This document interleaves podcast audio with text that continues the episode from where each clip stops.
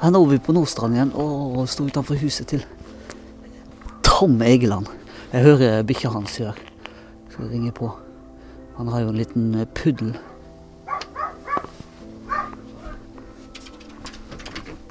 Hallo! Jeg hørte hunden, vet du. Ja, dette er Nordstrand skrekk. Hvor er du har bilen din? Garasjen. Kan, kan vi bare høre på lyden? Det kan vi. Da må jeg bare hente nøkkelen. Hei, Teddy! Vi er altså hos krim- og spenningsforfatteren Tom Egeland. Og han er jo mest kjent for sine bøker om den pussige Bjørn Beltø. En arkeolog som snur opp ned på hele bibelhistorien. Egeland han er tidligere journalist fra Vimen, Aftenposten og TV 2.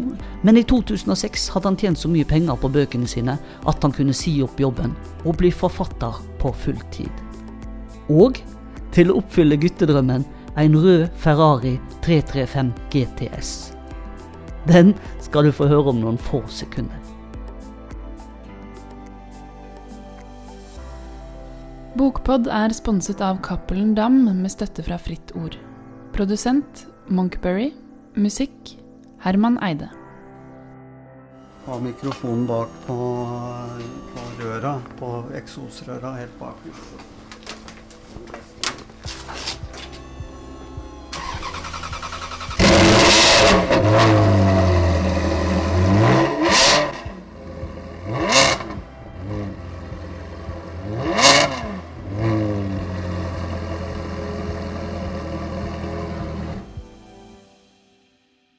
Begynner alle intervjuene med egentlig å spørre om det samme. Skriver du på noe nå? Ja, jeg skriver alltid på noe. Eh, I motsetning til noen forfatterkolleger som bruker et halvt år, et år eller to på å gå og grunne seg gjennom neste roman, så er jeg altfor eh, utålmodig og rastløs, og jeg har alltid ett eller to, noen ganger tre eh, bokprosjekter gående. Så i disse dager så er jeg jo i innspurten på to bøker som kommer til høsten, altså øh, ungdomsbøker. Eh, samtidig så skriver jeg på en ny voksenroman, en ny Bjørn Belte-thriller, eh, som forhåpentligvis blir ferdig fra min side sånn i løpet av høsten eller året, øh, og litt utpå 2016, da, sånn at den, utkommer enten til sommeren eller høsten neste år, hvis alt går bra. Skriver du hver dag, da? Ja, jeg skriver hver dag hvis ikke jeg har noe annet å gjøre. Det er veldig deilig med disse skrivedagene, som jeg kaller dem. Altså når jeg ikke har møter, når jeg ikke må inn til byen, ikke øh, trenger å gjøre noe annet enn å sette over kaffen og tusle inn på kontoret og sette seg ved PC-en og tenke og skrive. Er det noen bestemt tid på døgnet du skriver best? Ja, altså Jeg merker at jeg er Hva skal vi si Skriver best dels sånn fra nitiden, hvor jeg er klar i hodet og har våknet og drikker kaffe og er litt eh, entusiastisk. Etter lunsj kan jeg nok være litt sånn mentalt sliten, eh, sånn at det går litt tråere. Men eh, så ser jeg også at sånn sent på kvelden kan jeg ha noen gode økter, sånn altså 10-11-tiden. Så det varierer litt, men i bunn og grunn handler det for meg i hvert fall om å dels være klar i hodet, og, og, og gjerne føler denne Uh, en, en, en, en, litt sånn euforisk lykkefølelse, altså den man kan føle etter et eller to glass med rødvin. ikke sant, altså sånn uh, ren, ren, og skjær nytelse. Da, da, tenker jeg jo som så at dette, dette uh, er jo bare et privilegium å kunne ha dette som jobb. altså Det er jo nesten ikke en jobb. Men hvor, hvor ofte får du den følelsen? Med jevne mellomrom, for å si det på den måten. Uh, Nordstrands skrekk skal nok bare det skremme unna noen innbruddstyver eller monstre eller noe sånt. Uh, alternativt fugler. Teddy. Uh, Teddy heter han, ja. Men altså, det, det, er jo også ofte det, det, stikk motsatte. Altså, jeg sitter og føler dette her er så dårlig. Dette Åh, jeg er jo verdens mest talentløse, udugelige forfatter. Så det går hånd i hånd, altså.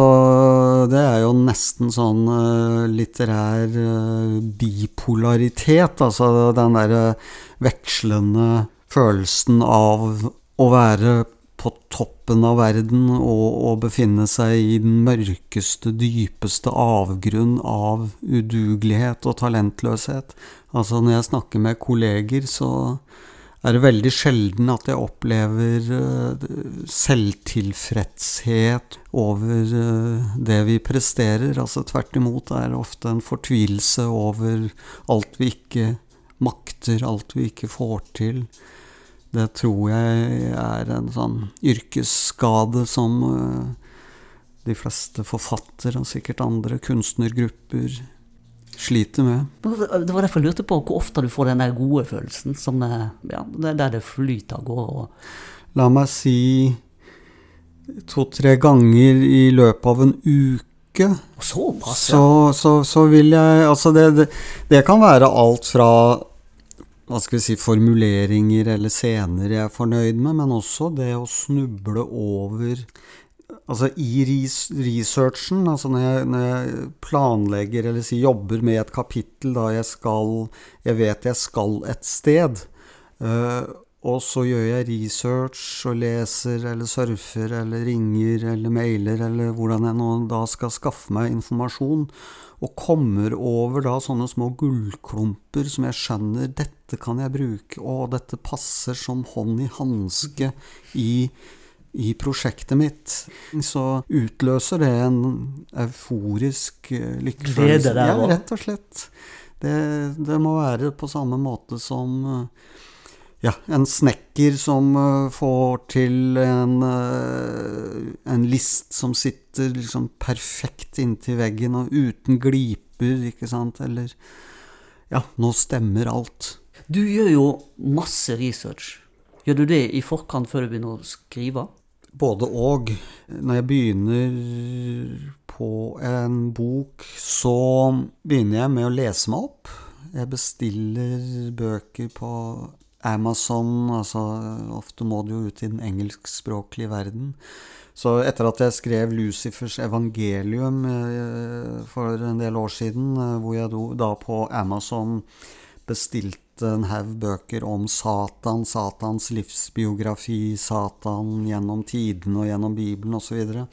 så får jeg jo fortsatt sånne brev fra Amazon da, hvor det står Kjære Tom Egeland, du som tidligere har interessert deg for kirkebranner, spedbarnofring og Så det er jo et uh, Guds under at jeg i det hele tatt slipper inn i USA. Jeg har nok sikkert en mappe hos CIA og, også. Nei, men, men, men, altså research er jo, ikke sant, du leser deg opp, eller i hvert fall gjør jeg det, da. Jeg leser meg opp.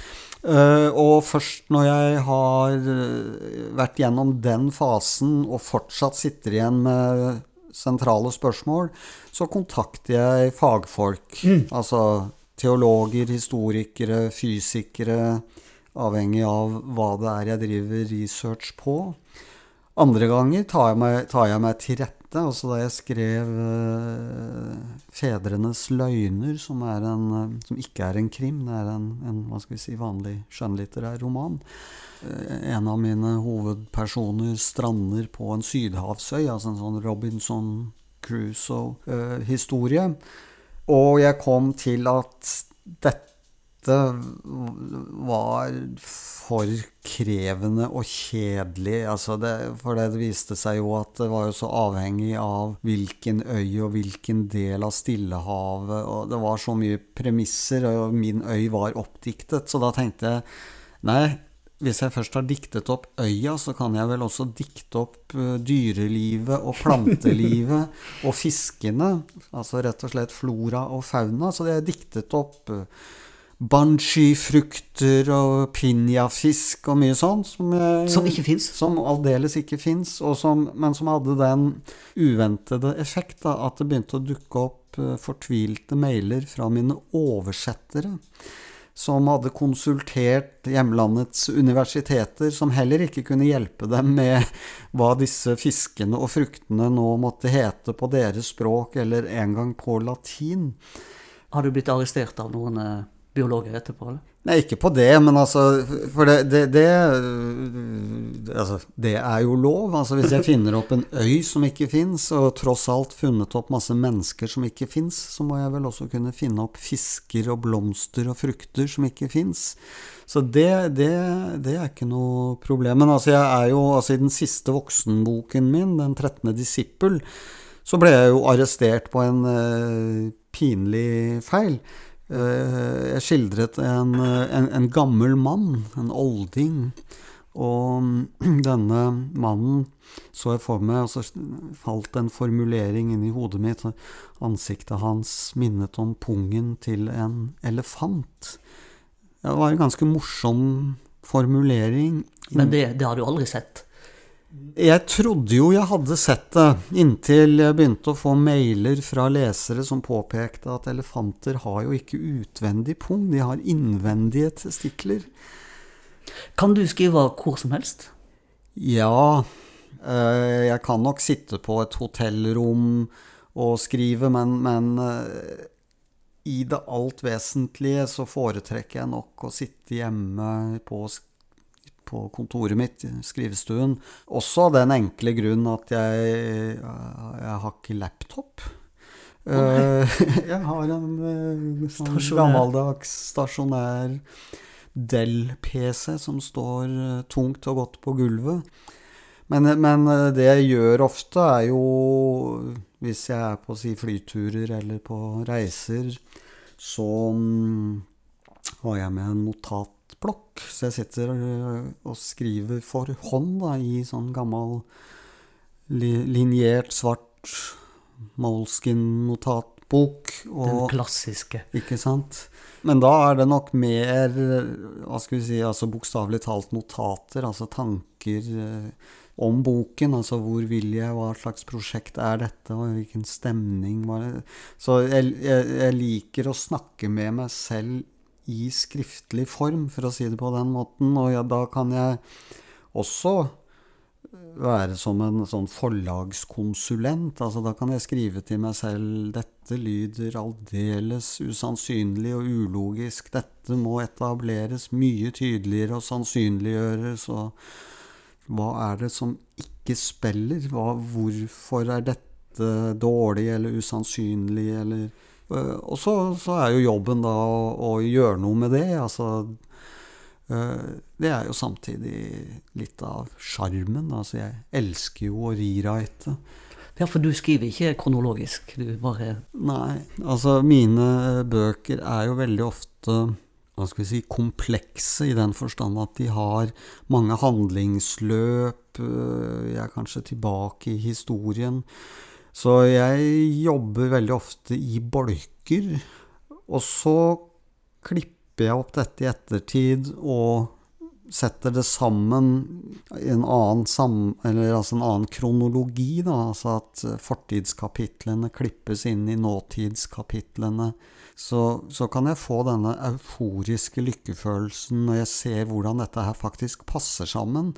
At der hvor jeg nærmest går inn med tilfeldig kutt eller klipp i teksten, og så ser jeg jøss, liksom det som skjer der, spiller jo direkte opp mot det som skjer i begynnelsen av neste kapittel, og som da enten er helt underbevisst fra min side, eller ren og skjær tilfeldighet, men åkke sånn er det morsomt de gangene du da kjenner at liksom Yes, dette her passer jo som et puslespill. Og jeg legger jo ut både blindspor, altså for å lure leseren, og jeg legger inn små, små hint som underbygger at når, når leseren til slutt skjønner hva som har skjedd, så tenker de ja, sånn måtte du Ja, hvorfor, hvorfor så jeg ikke det? Hvorfor skjønte jeg ikke det?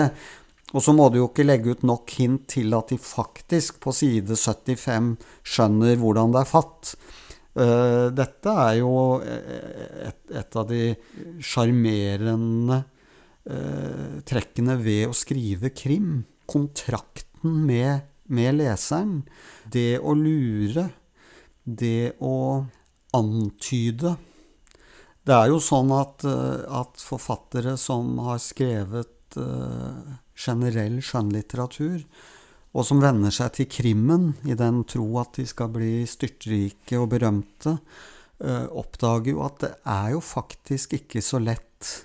Det beste eksempelet er jo Knut Fallbakken, som jo gikk fra en karriere som, eh, som eh, hva skal vi si, samtidsforfatter og bejublet sådan, og begynte å skrive krim, og som jo oppdaget hvor utrolig vanskelig det er.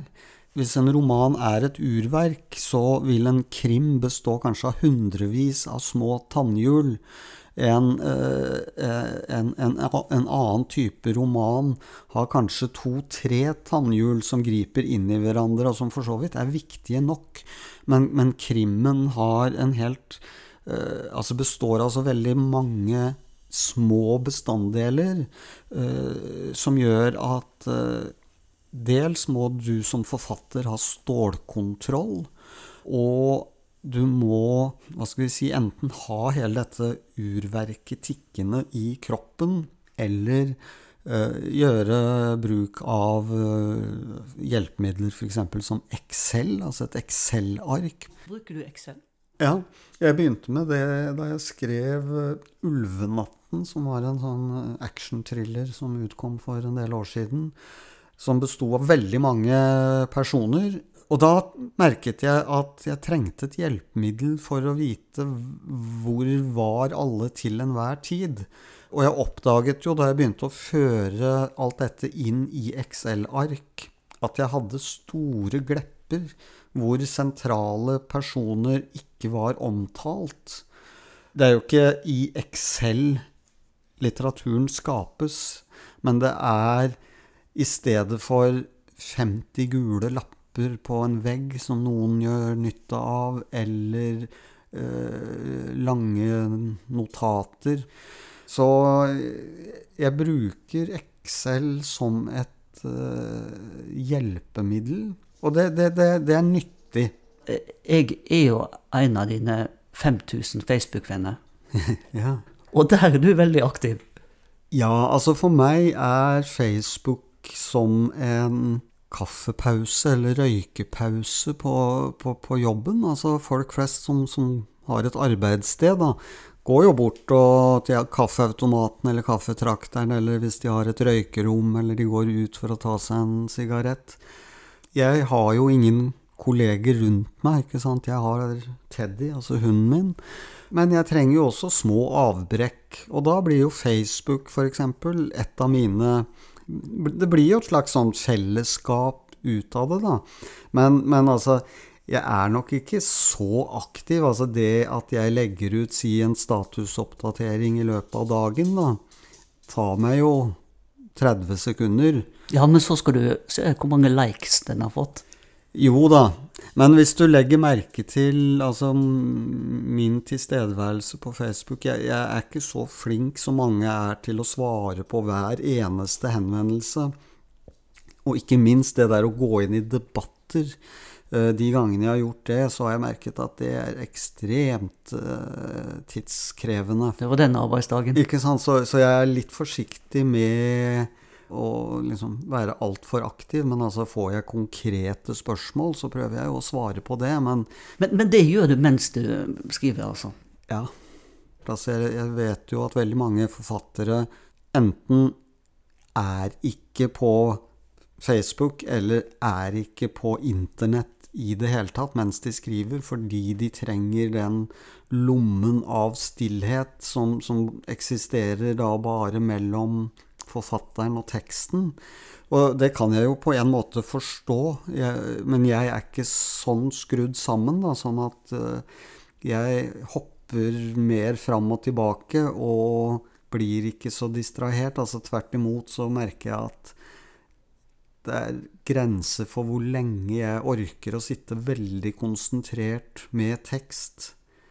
Og hvor hva skal vi si, oppmerksomheten og blikket begynner å søke søke andre steder. Og det er klart, da, Da kan jeg gå og lese noen nettaviser, følge med på hva som skjer, eller gå inn på Facebook og se hva som skjer der. Og, og så jeg, gjør jeg det i to minutter, og så er jeg tilbake i manuskriptet. Men, men jeg har ikke noen da problemer med den omstillingen. Altså, alle mennesker har jo ulikt lynne, og, og min rastløshet eh, stammer kanskje litt fra journalistikken. Og, og, hvor det å sitte og skrive en artikkel stort sett skjedde i et landskap med fullt av folk og telefoner og stemmer og avbrytelser og distraksjoner.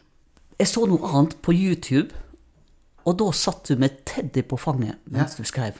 Det hender uh, han skal opp i fanget. Uh, det er jo på den ene side ganske koselig, men uh, litt slitsomt også, for da hviler han hodet sitt på venstre, det venstre håndleddet mitt.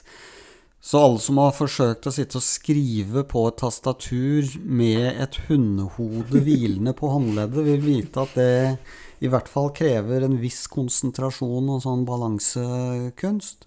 Men um, stort sett så ligger han bak meg da på Han har en sånn uh, saccosekk på kontoret mitt. Uh, men hvis han er frossen eller urolig eller redd for noe, så skal han gjerne opp i fanget. Jeg husker vi var på litteratursymposiet i Odda. Så sto vi i baren der på Hardanger hotell. Og så snakka du litt om uh, skriveprosesser og hvordan du holdt på å jobbe. Ja. så spurte jeg hvor mye skriver du? Og så sa du at du kunne skrive 10-15 sider på en dag. Og så kom Kjartan Fløgstad forbi, og så spurte han Hva sa du nå, Tom? Nei, 10-15 sider, sa du. Og han bare rista på huet og gikk. Altså 10-15 sider høres nok mye ut, øh, men noen ganger havner du jo i en flyt. Og ikke minst hvis du skriver dialog, så, så, så, så flyr jo sidene fort. Men, men, mine manuskripter blir til veldig Kall det gradvis, altså i den forstand at øh, mens en forfatter f.eks. For som Per Petterson eller Askildsen, som skriver setning for setning, og så går de omtrent ikke videre før de er fornøyd med den setningen, og så tar de neste setning. Mens jeg har jo en helt annen metodikk. Altså, jeg skriver fort og gæli og uten hensyn til Ja, det blir feil å si uten hensyn til språket, men altså, jeg kan, jeg kan se at ok, denne setningen var ikke spesielt god, men jeg lar den ligge, og så ordner jeg det senere fordi jeg da vil presse meg fremover, fremover, fremover. Eh, jeg, har satt meg et mål uh, som er 1000 ord om dagen. Uh, det er ikke et sånt absolutt mål, men det er en, en slags horisont, fordi da vet jeg at hvis jeg når 1000 ord, så har det vært en god dag. Eh, noen dager skriver jeg kanskje 400 ord, og det er for så vidt greit, men da vet jeg at ok, dette har ikke vært en, i hvert fall ikke en produktiv dag.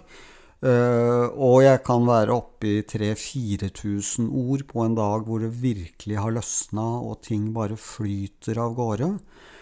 Men jeg tror det er viktig for forfattere dels det der med altså disiplin, selvdisiplin. Det er veldig, veldig fristende og lett når det butter å gjøre noe annet.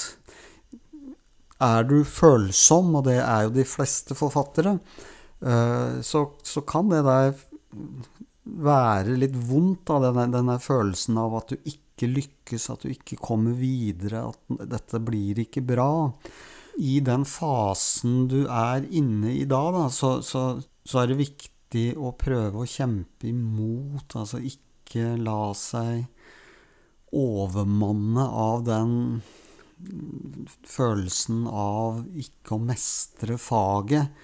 Jeg husker en annen ting fra den kvelden på, i baren på Hardanger hotell.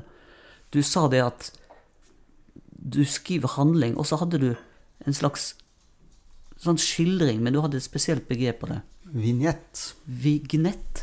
Ja, altså en vignett uh, i, i, i, min begrepsverden, eller i mine manuskripter, er rett og slett et lite avbrekk. Det kan være så enkelt som at uh, hvis jeg f.eks. har skrevet en lang uh, teologisk refleksjon, som, som, noen av bøkene mine jo tar for seg, så, så ser jeg nå, nå, trenger vi enten litt humor, eller vi trenger litt action. Litt, nå må det skje noe. Eller motsatt. Nå har det vært ganske dramatisk. Nå må vi ta ned tempo. Nå må vi lene oss tilbake, altså jeg og leseren, og, og tenke litt, reflektere litt. Uh, uh, og, og, og, for meg er dette da taktskifter og temposkifter og musikk. Og et lite, uh, kall det virkemiddel, er jo da vignetter, altså som bryter opp en, en, en, lengre tekststrøm med noe helt annet. Altså faren ved å snakke på denne måten er jo at du ødelegger jo magien. Ikke sant? Altså hver gang du som forfatter er med på et bokbad, så ødelegger du jo magien. Altså først ved å vise fram hvor vanlig du ser ut som forfatter. Altså alle har jo et sånn, liksom sånn, I hvert fall hvis de har en favorittforfatter, sant, så har man jo et sånt idealisert bilde av hvor klok denne forfatteren må være. Og så kommer det inn en duknakket slappfisk, ikke sant. Så det er jo det ene nivået. Og det andre nivået er jo når forfatteren da begynner å brekke opp teksten og, og vise liksom, at der er jo langt på vei et håndverk. Noen forfattere liker å fremstille denne prosessen som magisk. Jeg, jeg, har ikke det i meg. Kanskje fordi jeg er den type forfatter jeg er. Altså, jeg skriver jo primært spenningsbøker som har en litt annen uh, karakter enn kall det språkdrevne kunstbøker. Du er jo fra Groruddalen. Ja. Og Groruddalen har jo fostra mange forfattere. Ja. Det Jeg har skrevet opp ei liste her. Uh, Jan Kjærstad, Roy Jacobsen, Erik Fosnes Hansen, Torgrim Eggen, Jostein Gårde. Du nikker, du nikker. Ja, altså jeg har satt opp en sånn liste selv, ja. Den inneholder vel egentlig noen hundre navn, hvis vi Oi, også tar med de som har bodd eller vært innom. Falkberget skrev jo flere av sine mest berømte romaner på Grorud. Men det er klart, han er jo ikke Grorud-forfatter, han er jo Rørosforfatter. Men eh, ja, altså Erik Fossnes Hansen, Jan Kjærstad og jeg vokste jo opp alle sammen på Grorud i, med en ja, kilometers avstand. Eh, jeg husker jo eh, den forbløffelse jeg følte da jeg i sin tid leste at Jan Kjærstad hadde debutert som romanforfatter. Altså, Jøss, kan noen fra Grorud bli forfatter, da? uh, så vi hadde kanskje ikke all verdens selvbilde.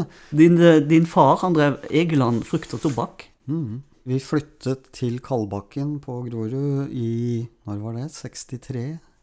Uh, eh, da jeg var fire år gammel. Og de drev Altså, faren min drev frukt og tobakk, som det het den gang. Moren min drev en manufaktur sammen med mormoren min. Den het Strikk og vev, som har en sånn gammeldags manufaktur. Jeg tror ikke de fins lenger nå, jeg, men hvor de selger alt fra trådsneller og garn til truser og kofter og strikk og synåler og den slags. Og, og, far, og for så vidt også mor, drev jo da denne tobakken på si. Og jeg jobbet jo der i noen år, jeg på 70-tallet. Ti kroner timen. Eh, solgte sigaretter og brus og frukt og essens, ikke minst, til hjemmebrent. Ja, det solgte de òg, ja. Risla og Paul Maul og Men du var, du var enebarn? Jeg var enebarn, ja. Så jeg eh, vokste opp med, bak disse to forretningene, faktisk, i samme bygd, da. Sammen med moren og faren min og to rottweilere. Som var, de var virkelig Kalbakkens skrekk. De var jo vaktbikkjer i, i tobakken om natta. Uh, Kalbakken var jo en på en måte gammel bydel. Eller, altså de første blokkene der ble vel bygd på 50-tallet. Uh, men jeg husker jo Stovner, Vestli, altså hele den utbyggingen. Haugenstua, altså alle disse drabantbyområdene som jo senere hen ble veldig eh, omdiskuterte. Da, altså Stovner-rapporten på 70-tallet. Men altså, det, det, gjaldt jo egentlig hele Groruddalen. Altså Veitvet, som jo var en etablert drabantby. ganske altså Jeg husker jo på, på 60- og 70-tallet så fantes noe som het Veitvet-gjengen, som var en skummel guttegjeng med voldelige og langt på vei farlige gutter, da, som, som var veldig skummelt. Jeg gikk jo på noe som het Veitvet musikkonservatorium og lærte å spille piano. Så den turen fra Veitvet T-banestasjon og gjennom Veitvet-senteret var alltid skummel i fall denne beryktede Veitvet-gjengen skulle være der, da. Så du spilte piano, ja? Ja da. Faren min var jo egentlig musiker. Eh, han var jo jazzpianist. Altså han var eh, sånn nattklubborganist. Han spilte Hammond-orgel. Og da mener jeg Hammond-orgel, jeg mener ikke elektrisk orgel. For det, altså, Hammond-orgel er jo et helt eget instrument med en helt egen lyd. Eh, så han, han, var organist nede i noe som het eh, Sjømannsklubben Kro i Prinsens gate. Eh, så ble han senere avdelingssjef på keyboardavdelingen i noe som het Slagerforlaget, som lå i Operapassasjen. Men i sitt hjerte var han nok alltid jazzmusiker. Så alle disse butikkene og dette som han drev med, var noe mer for å ha noe å leve av. Men, men, han satt jo døgnet rundt og terpet på jazzløp. Harold Garner, eh, Art Tatum, disse pianist, jazzpianistmesterne. Uh, og, og og var jo egentlig en kunstnersjel, da, men, men eh, Så ut fra hans uh, interesse for musikk og piano, så gikk jeg noen år og lærte meg å spille piano. Altså, jeg drev det jo aldri til noe, men jeg kan nok klunke. Jon Flatabø, er han, er han far til din farfar? Jon Flatabø er bestefaren til moren min. Han var forfatter um, på slutten av 1800-tallet og tidlig 1900-tall. Han var ganske stor i sin samtid. Altså, han var, hva skal vi si, sin tids Ingulfstad eller Sandemo eller Jo Nesbø, hadde jeg nær sagt, eh, i kraft av å selge vanvittig mye bøker.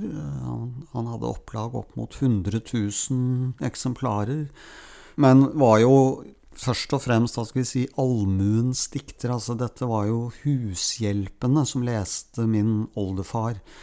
Uh, han skrev romaner som ja, 'Brudeferden i Hardanger' og For han var jo fra Hardanger? Fra ja, Hardanger. ja, ja. Han var jo litt av en type. Altså, jeg har et bilde av ham inne på skrivestuen. Langt, flommende skjegg. Uh, han var jo uh, en del av Kristiania-bohemen drukkenbolt, skjørtejeger, komplett uansvarlig som far, sånn at da hans hustru døde, så endte jo alle barna, inklusiv min bestefar, på barnehjem.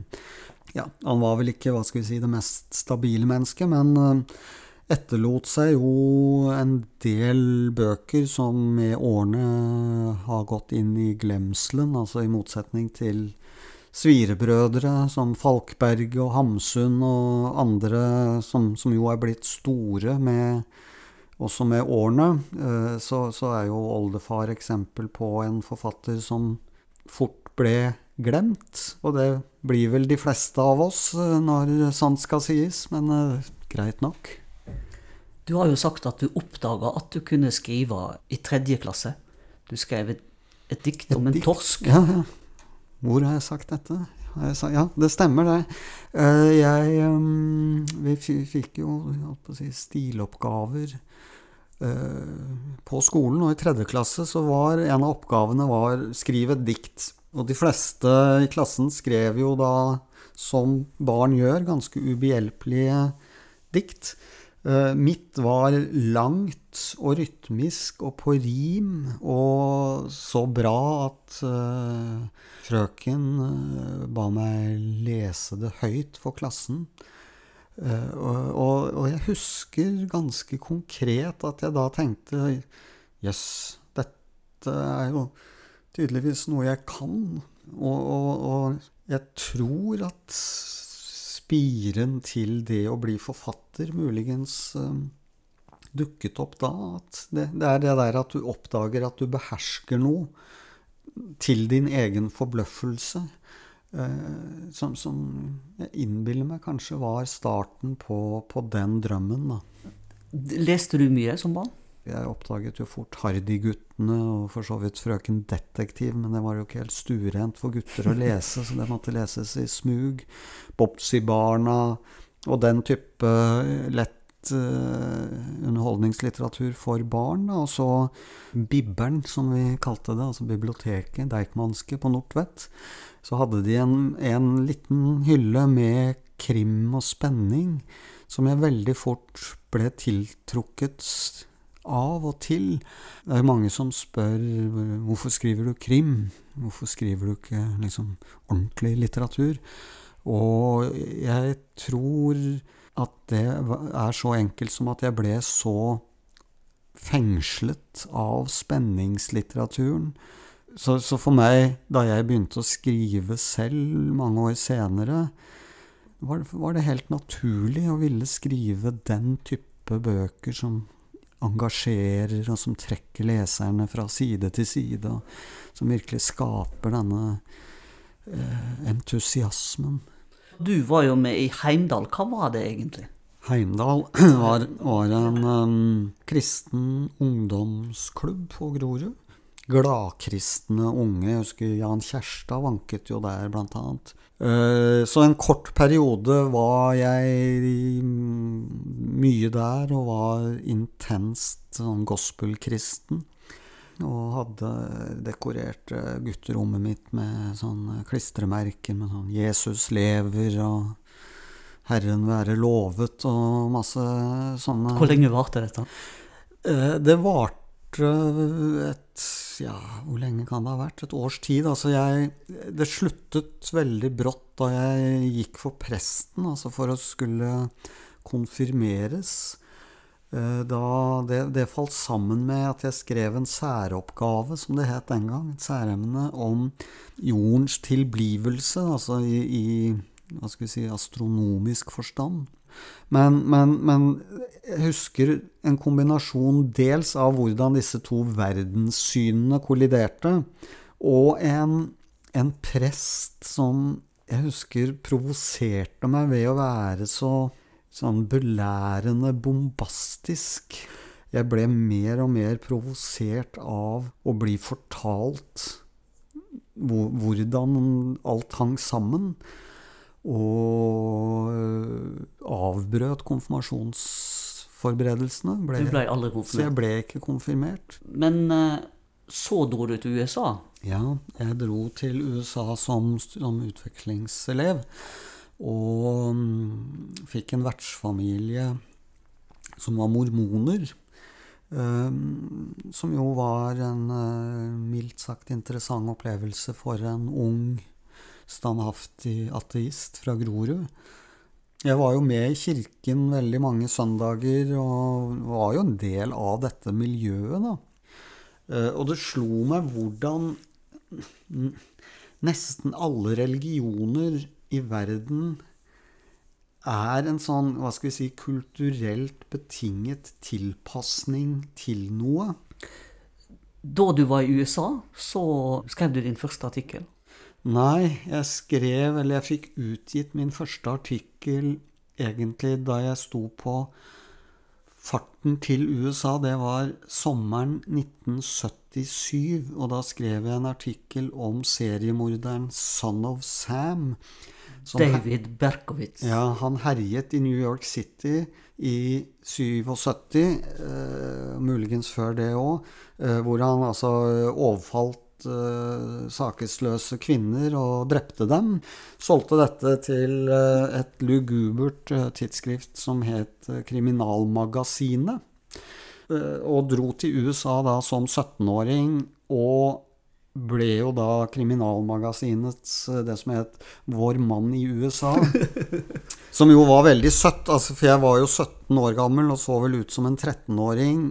Så for å kamuflere hvor himla ung jeg var, så hadde jeg på meg sånn solbriller, sånn pilotbriller, og så holdt jeg et kamera skrått foran ansiktet til et sånn vignettbilde som ble trykt med hver artikkel, da, hvor det sto 'Vår mann i USA', Tom Egeland.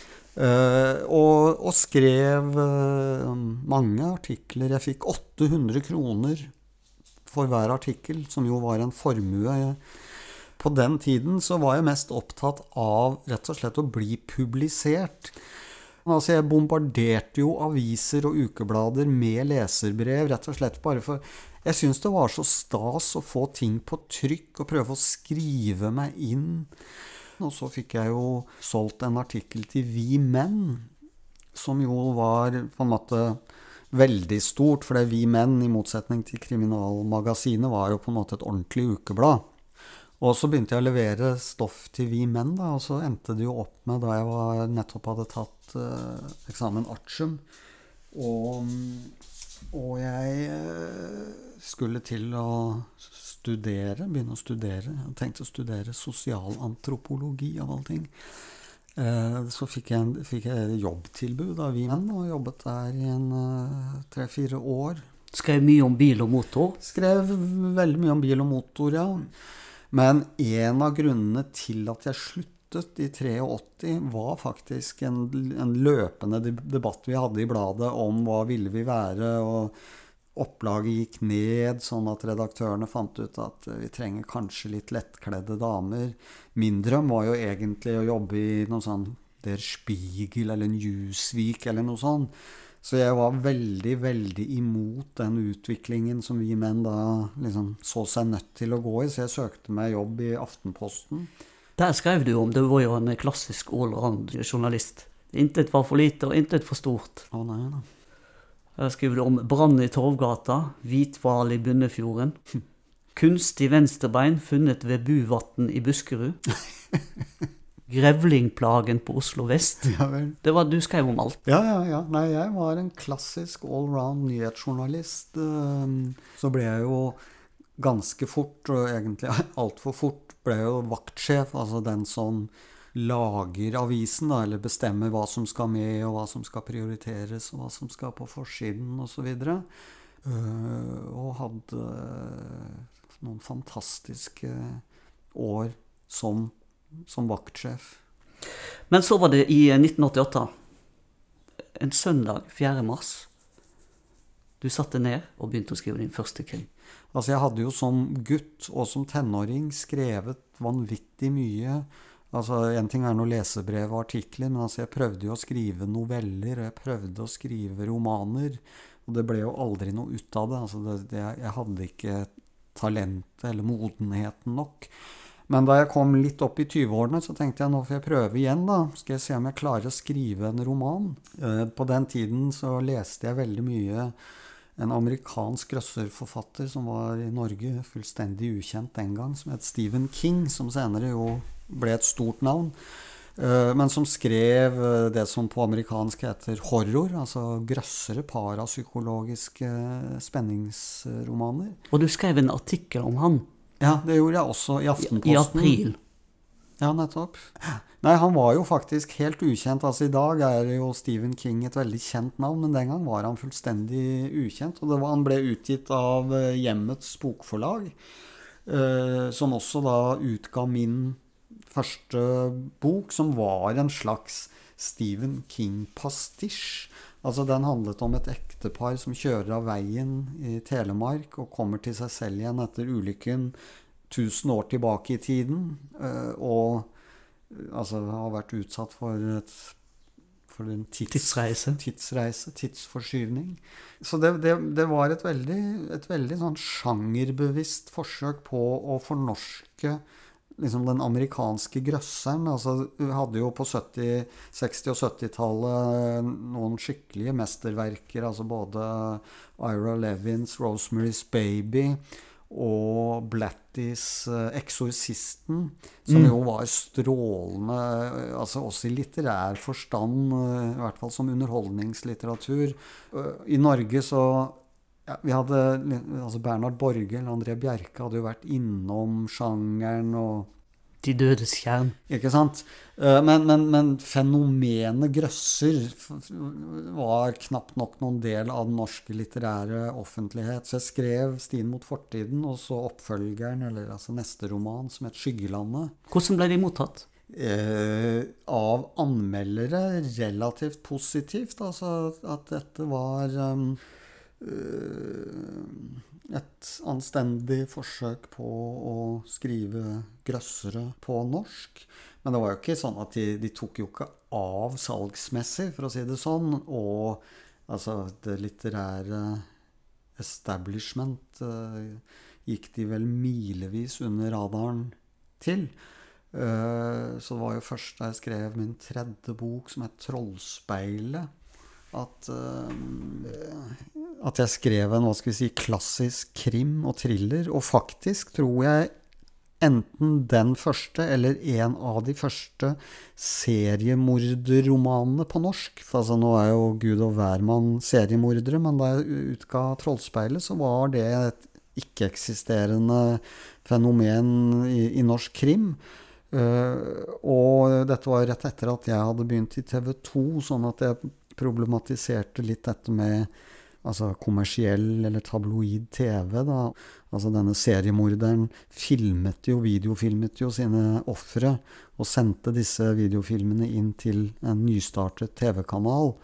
Uh, og så oppsto det jo da dilemmaet skal dette vises, hva kan vi vise, osv. Så, videre. så det var vel først med den romanen som er kanskje den eneste sånn tradisjonelle krimmen jeg har skrevet. At jeg begynte å selge, eller selge bra i den forstand at det ble i hvert fall trykt i to opplag. da, Og fikk ganske positive eh, anmeldelser her og der. Men også litt slakt her og der, så det var ikke det. Men, men, men, men sånn er det jo. Men, uh, da begynte vel navnet mitt sånn så smått å bli litt sånn halvkjent da, for blant blant lesere. Så kom Bjørn Belte. Egentlig skrev jeg um, 'Sirkelens ende' før 'Trollspeilet'. Men Cappelen forlag ville ikke ha den. Eh, det var jo riktignok da en tidligere versjon og sikkert ikke bra nok. Uh, og anbefalte meg egentlig å ta den til et uh, rent underholdningsforlag, altså type Bladkompani eller Fredhøys, som, som utga bøker rett i pocket. Jeg skjønte rett og slett ikke den vurderingen, eller jeg var uenig i den, så jeg sendte manuset til Aschehoug bare for å få en sånn second opinion. De ville for så vidt heller ikke ha den som den var, men de var veldig mye mer positive til prosjektet. Så de innkalte meg til et møte og, og var veldig velvillige. Så, så da, da, gikk jeg fra Cappelen til Aschehoug og har jo vært der siden. Bjørn Beltø, arkeolog, albino og vegetarianer. Ikke nå lenger, for det ble for slitsomt for meg. selv i sirkelens ende så spiser han jo skinke i en omelett. Uh, fordi jeg glemmer at han er vegetarianer. Uh, så jeg har latt ham uh, få lov til å begynne å spise kjøtt og fisk. Altså På den tid så var det jo sånn at alle krimhelter drakk. Altså de slet med alkohol. Altså det, det er jo en utbredt hva skal vi si, klisjé. Altså helt fra de gamle hardkokte amerikanske krim, krimromanene Uh, Varg Veum og Harry Hole. Altså alle, alle drikker jo. Så jeg, jeg, var veldig bevisst på at um, han ikke skulle være alkoholiker. Uh, så jeg endte opp med en Egentlig da en nevrotisk hovedperson, altså som, som Altså hans akilleshæl er selvbilde, nerver, sliter med nerver, har dårlig selvbilde, men er likevel fylt av motsetninger og også humor. Har mm, også denne pitbull-egenskapen, at han biter seg fast og slipper ikke taket. Men det at han var albino, var det noen spesiell forhistorie der? Kjente han, du noen? Eller? Han ble født sånn. eh, nei, jeg, eller jeg, da jeg gikk på katedralskolen, så hadde jeg en uh, albinist, en jente i klassen som var albino. Men det var ikke noe sånn at hun på noe vis har formet Bjørn Beltø. Men det er mer dette med altså Albinisme er jo en veldig synlig tilstand, men ikke liksom veldig alvorlig. Altså, du, du, du, ser dårlig og sliter litt med sollys og sånne ting, men, men uh, bortsett fra det så er det jo jeg, jeg, jeg, vurderte både en stum og en blind hovedperson, men det ville vært mer komplisert. Praktisk vanskelig, ja. Men altså, i, i uh, en av bøkene mine så, så, har jeg jo en biperson som er stum. Og det var jo rett og slett for å forfølge den tanken. Altså, hun må jo da skrive alle sine replikker. Det er sånn sånne små utfordringer jeg gir meg selv. Da. Som I en annen bok så lar jeg Bjørn Belte midtveis brekke beina, sånn at han må bruke krykker husker resten av boka. Det er også en sånn egentlig fryktelig irriterende ting, for du må som forfatter hele tiden forholde deg til disse krykkene. Altså hva gjør han med den hvis han skal håndhilse? Tre år etter at 'Sirkelens ende' kom ut, så kom Da Vinci-koden. Dan Brown. Og det var jo en guds lykke for deg. Ja, at jeg kom først, var, var, det var, jo. var i hvert fall guds lykke. Uh, jeg eh, kan jo bare takke Dan Brown jeg, altså for min suksess. Altså, han banet jo vei ved, ved, ved å skrive Da Vinci-koden. Jeg har jo reist rundt i Europa som eksempel på forfatteren som Dan Brown plagierte. Men det har du avvist? Ja, det er jo det reneste Har du møtt han, eller? Aldri møtt Dan Brown. Jeg tror Dan Brown og jeg har gjort to, eller én ting samtidig, og det er å lese en bok som het 'Hellig blod, hellig gral', som utkom på 80-tallet, og som jo postulerer at Jesus ikke døde under korsfestelsen, men flyktet til Frankrike, ikke himmelriket, og fikk barn med sin kjæreste Maria Magdalena. Dette er jo en konspirasjonsteori som mildt sagt ikke er godt underbygget, men det er ganske mange morsomme uh, indisier som, hvis man er veldig velvillig, kan peke på at kanskje teoretisk kunne noe sånt ha skjedd. Hvem vet? Det er jo på ingen måte bevist. Uh, jeg leste boken og tenkte dette er jo reneste sludder, men for et fantastisk utgangspunkt for en roman. Og det tror jeg Dan Brown har tenkt også. Så gir jo han inntrykk av at ja, han har reist rundt i Europa og fått tilgang til hemmelige arkiver og skjulte manuskripter som avdekker en historisk hemmelighet av uante dimensjoner. Altså, det, det har han selvsagt ikke, eller han har vel vært i noen biblioteker, da, men altså, altså hele Både da Vinci-koden og Sirkelens ende er jo basert på velkjente konspirasjonsteorier og en lek med koder og anagrammer og, og slike ting, som gjør at som fiksjon, ja, kjempespennende, men fiksjon, altså dette er romaner.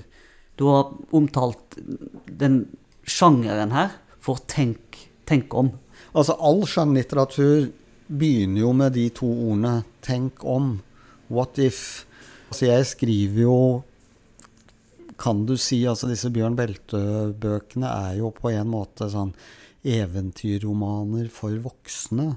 Altså fordi de går jo langt i å ta seg til rette i, i virkeligheten, altså, men, men, da med alternative forklaringer på religiøse forestillinger og begreper og hendelser.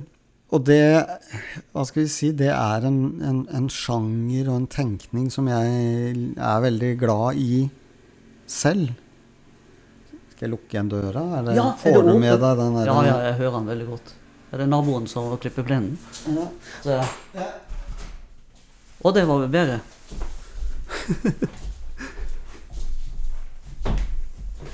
Var jeg i et resonnement, eller hvor var Vi, vi snakker om eh, tenk om. Ja, For at, eh, man merker jo du, du vil underholde, selvsagt. Fortelle gode historier. Men så driver du òg med folkeopplysning. Mm. Det irriterer meg jo faktisk eh, hvor dårlige teologer er til å popularisere et egentlig ganske fascinerende fagfelt. Mange av dem, de fleste av dem, ender jo opp som prester. Og da står de jo på prekestolen og formidler et budskap som de i mange tilfeller vet er riv ruskende galt. Altså F.eks. vet jo alle teologer at uh, Paulus neppe skrev alle de brevene som tillegges Paulus. Moses Da jeg gikk i gang med min andre Bjørn Beltø-roman, 'Paktens voktere', så lette jeg etter et stort sånn konspiratorisk prosjekt og min kongstanke da var Bjørn Belte skulle avsløre at Moses aldri hadde eksistert. Det tok meg jo ikke lang research å finne ut at dette har teologer visst siden 1600-tallet. Altså, du slo inn åpne dører, da? Ja, men åpne dører for teologer. Men altså, folk flest vet jo ikke dette. Altså, Bibelen er jo er jo menneskeskapt. Altså det, det, det, sier seg jo selv. Så er jo spørsmålet under en guddommelig inspirasjon, da kanskje. Men da stiller jo jeg meg spørsmålet hvorfor er den da så full av feil, altså motsetninger? Og så svarer jo da de kristne nei, men altså Gud tillater jo uh, feil uh, i både Bibelen og skaperverket. og Det viser jo bare at det er ekte. Men, men altså, da, da, er du jo selvsagt uh, dypt inne i det umulige spørsmålet tro eller ikke tro. Altså, for det er klart, har du en gudstro, så er dette jo mye lettere å godta enn hvis du ikke har en gudstro. Men altså for meg som gammel journalist og redaktør liksom Hvis Bibelen ble forelagt meg som et journalistisk produkt, så ville jeg jo sagt hva er kilden her, og hvorfor står dette? denne fortellingen står på den måten, men i neste eh, evangelium f.eks. så er det jo skildret på en helt annen måte. Dette kan vi jo ikke ha noe av. Alle disse tingene er jo da en del av teologifaget, altså det synoptiske problem, altså som, som, tar for seg hvorfor ulike versjoner av samme historie fremkommer. Men det er klart at for meg og mitt Bjørn Belte-prosjekt, så har jo dette handlet om å da dels blottlegge disse forholdene, men også da komme med oppdiktede forklaringer til bibelhistorien som en slags litterær lek, at det går an å tenke seg dette annerledes. Men jeg håper jo også at jeg blottlegger konsekvensene av faget teologi, rett og slett ved å synliggjøre både Bibelens tilblivelse, men også hvordan elementer legges til i ettertid. Altså f.eks. denne fengslende beretningen om kvinnen som blir grepet i utroskap, og som, hvor Jesus da skjærer igjennom og så sier han eh, La den som er uten synd, kaste den første sten. En fantastisk fortelling. Men den står ikke i de eldste skriftene. Den er sannsynligvis skrevet inn i ettertid av noen som jeg liker å kalle sånn eh, manusdoktor. Altså, sånn som, altså Filmmanuskripter i Hollywood har jo manusdoktorer som kommer inn, og så sier de den scenen der må fargelegges. Her, eksempel her.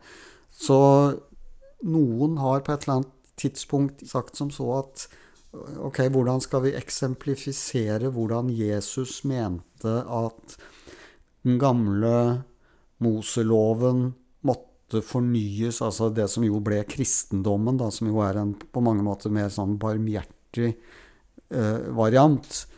Og så har noen diktet opp denne beretningen om kvinnen som ble grepet i hor. Du, jeg har sett at eh, du har jo noen anmeldere som er, har vært kritiske til deg hele veien. Sven Egil Omdal, blant annet. Ikke hele veien. Altså, de, de, de, den siste boken fikk uh, fantastisk uh, omtale Av Omdal? Av, av Omdal men uh, den, den, største griseslakten jeg noen gang har fått, var vel for Lucifers evangelium, og det var samme anmelder. Den fikk terningkast seks i VG? bare så Ja, den fikk seks i VG, og fullstendig slakt av, av Omdal. Jeg tror dette nok har sammenheng med om anmelderen er med på leken eller ikke. Det var jo en utrolig underholdende slakt som Omdal skrev, det må jeg si. Men, men jeg tenkte da jeg leste den, husker jeg at han har jo ikke skjønt hva jeg prøver meg på. Uh, og altså med unntak av ham og muligens en eller to flere som jeg ikke husker, så fikk jo boken uh, vanvittig god mottagelse. Altså, det var jo strålende anmeldelser, og den fikk Riverton-prisen. Og her er vi inne på det her eh, store temaet krim versus litteratur. Nei, altså det, det er jo et stort spørsmål. Altså er krim litteratur eller skjønnlitteratur? Altså ja, selvsagt er det det. Men altså ja, det utgis god krim og dårlig krim, på samme måte som det utgis god skjønnlitteratur og dårlig skjønnlitteratur, og god lyrikk og dårlig lyrikk. Eh, men det som er viktig å huske, er jo at krim er en sjanger, og mye av kritikken mot krim kommer jo da fra mennesker som ikke godtar sjangerkravene. Altså de, de, de, de, liker ikke sjangerlitteratur, rett og slett. Og så er det jo selvsagt mange eksempler på krimbøker som er dårlig skrevet, altså som har et dårlig språk. Altså det utkom i fjor og de siste årene rundt, eller i overkant av 50 norske krimbøker.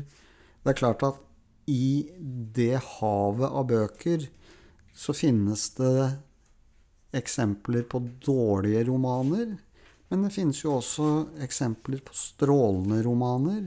Men, men uansett så blir sammenligningsgrunnlaget feil hvis man legger en krimbok ved siden av uh, Per Petterson eller Askildsen eller Knausgård eller den type litteratur. For det, det, det, er en helt annen uh, litterær, et helt annet litterært kretsløp. Altså det, det, og da er vi litt tilbake til din oldefar igjen.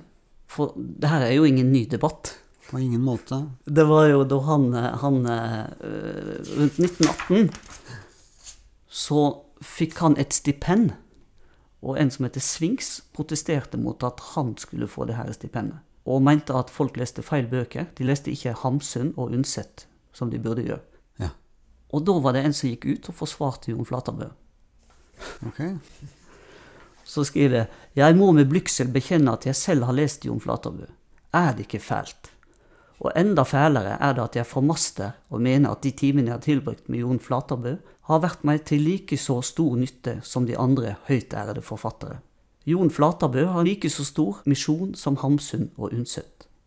De skriver for sine bestemte folk, og de blir forstaset og elsket. Det er jo det, Jeg har ikke hørt om den uh, Skal se hvem som skrev det. Oskar Bråten, ja. Akkurat. Så fantastisk. Nei, det kunne jo i en modernisert språkdrakt stått i dag. Altså, det er jo, det er jo de samme holdningene, den samme forakten for, for det folkelige, altså for publikumsyndlingene. Uh, jeg, jeg syns debatten er litt absurd. Altså, hvorfor kan ikke disse bøkene bare leve side om side som det de er, uten at det ene skal settes opp mot det andre?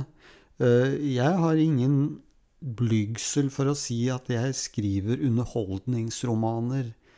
I det legger jeg at mine romaner skal underholde, pirre, provosere, glede, irritere mine lesere. Altså, de færreste av oss er store genier. Vi er håndverkere, og noen ganger har noen av oss flaks og treffer leserne, får mange lesere. Vi, vi, vi må jo bare nyte det og prøve å fortelle historiene våre som best vi kan.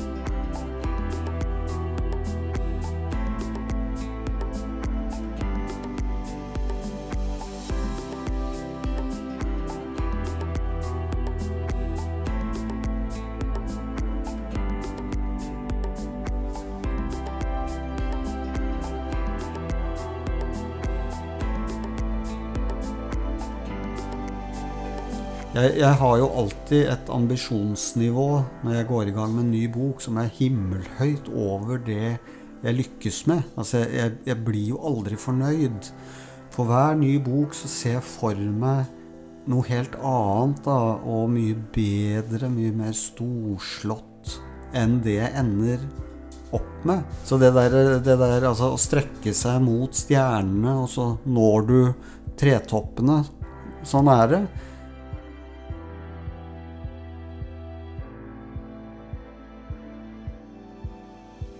Og neste onsdag, da er vi tilbake, og da med selveste Kolbein Falkeid. Vi hørs. Når du skriver en prikk over i-en, så er det i den prikken eh, 500 milliarder protoner. Altså små, svevende kloder. Altså mikrokosmos er like grenseløst stort som makrokosmos. Det er relativt større avstand mellom atomene i en vanndråpe enn det er mellom stjernene i universet. Det lille er like ufattelig grenseløst stort som det ufattelig grenseløst store der oppe. Og der i midten står vi, Kim Hoen vi er.